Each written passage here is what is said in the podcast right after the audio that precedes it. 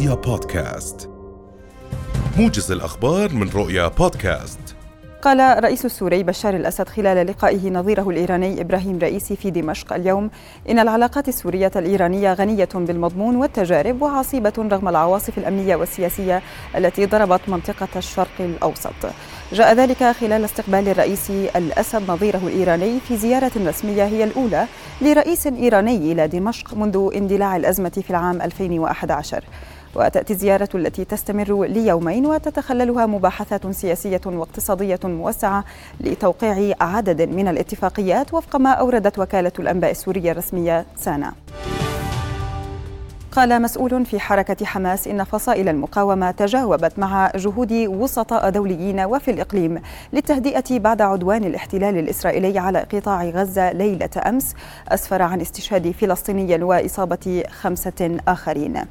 وأضاف أن الفصائل تراقب الأحداث ميدانيا وسيكون ردها قويا إذا قام الاحتلال بأي عدوان آخر ويسود قطاع غزة منذ صباح اليوم هدوء حذر بعد جولة من القصف المتبادل بين المقاومة والاحتلال الإسرائيلي بدأتها فصائل المقاومة في قطاع غزة عبر الغرفة المشتركة في أعقاب استشهاد الأسير خضر عدنان بعد إضرابه عن الطعام في سجون الاحتلال.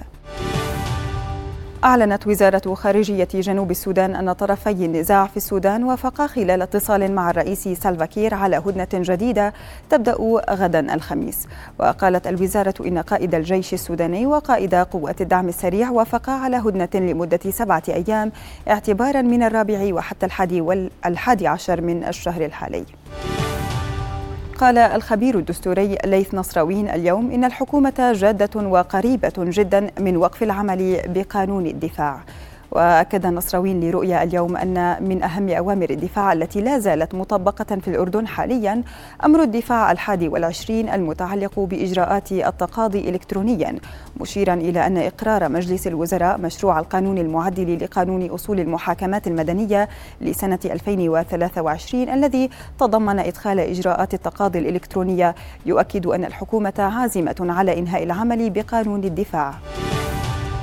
أعلنت وزارة الأشغال العامة والإسكان عن بدء تحويل حركة السير القادم من الزرقاء باتجاه العاصمة عمان وأوضحت الوزارة أنه سيتم تحويل حركة السير إلى مسارب الباص سريع التردد في المنطقة الواقعة من تقاطع نفق المزارع إلى تقاطع عين غزال باتجاه المحطة لغاية استكمال الأعمال في جزئية جديدة من المشروع.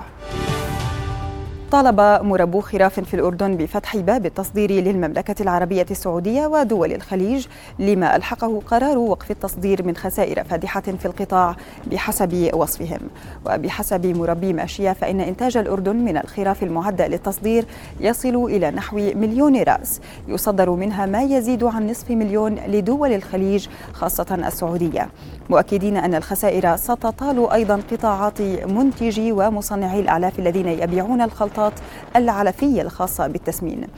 بدوره قال الناطق الإعلامي باسم وزارة الزراعة لورنس المجالي في رد على استفسارات رؤيا إن الأردن خاطب الجهات الرسمية في السعودية لاستئناف الاستيراد بعد اتخاذ كافة الإجراءات لاحتواء الحمى القلاعية والقضاء عليها. رؤيا بودكاست.